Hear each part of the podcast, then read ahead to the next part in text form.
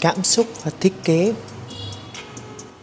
thay đổi góc nhìn hãy nghĩ về chuyến tàu Hà Nội Hồ Chí Minh kéo dài vài chục tiếng đồng hồ.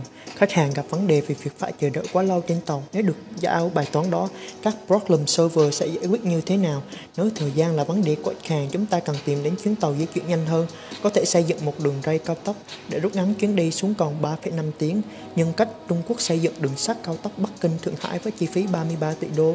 Đó luôn là một cách giải pháp nhưng quá khó làm nếu chúng ta nhìn vấn đề theo quan điểm khác thì sao nhỉ? Đặt lại câu hỏi, how might we, thay vì làm cách nào chúng ta khiến thời gian di chuyển trở nên ngắn hơn thì đổi thành làm cách nào để khách hàng cảm thấy thoải mái hơn trong một chuyến đi dài. Lúc đó giải pháp có thể chỉ đơn giản là lắp thêm vài cục wifi tốc độ cao so sánh giữa hai phương án. Lúc bạn nghĩ giải pháp nào sẽ được áp dụng thực tế? Hai bài học ở đây là việc reframe the problem sẽ cho những bạn những góc nhìn và định hướng sự sáng tạo hoàn toàn mới luôn luôn quan tâm đến cảm xúc của khách hàng, không chỉ tập trung vào vấn đề mà họ đang gặp phải. Trong cuộc sống có rất nhiều ví dụ về các thiết kế làm tốt vấn đề này. Hãy nói về những chiếc máy bay ATM như máy ATM bạn đã bao giờ nghe tới rút tiền khi bạn sử dụng máy chưa?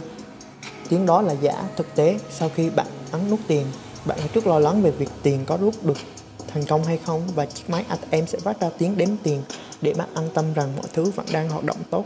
Tiếng đếm tiền trong vài giây đó vừa giúp bạn cảm thấy an tâm hơn, vừa câu giờ trong lúc chiếc máy hoạt động. Đó là một ý tưởng tuyệt vời.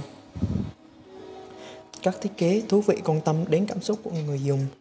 Dụng cụ trong giống phi thuyền, kia là một dụng cụ cắt cam. Về tính chính thậm chí nó không hoạt động tốt như những dụng cụ bằng nhựa một sản phẩm có giá rẻ hơn hàng trăm lần nhưng nó đẹp và thú vị. Người ta mua nó ngoài để bắt cam ra còn vì mục đích trang trí cho căn bếp. Còn con dao bên dưới là một sản phẩm của Nhật Bản, nhìn rất đẹp cuốn hút, cảm giác sử dụng tốt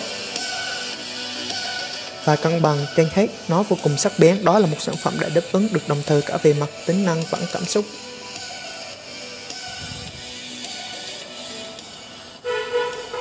Chiếc bàn đánh bóng, bàn này khá thú vị, nó được tích hợp một thiết bị trình chiếu và cảm ứng.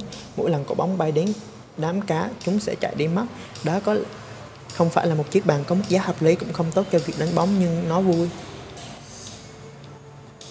Khi bạn tìm kiếm US Foundation có vài trăm nghìn kết quả, việc nói rằng trang này là kết quả 1 trên 20 trên 500 nghìn kết quả tương đối. Buồn chán Google đã tạo ra những chi tiết thú vị bằng cách kéo dài chữ ô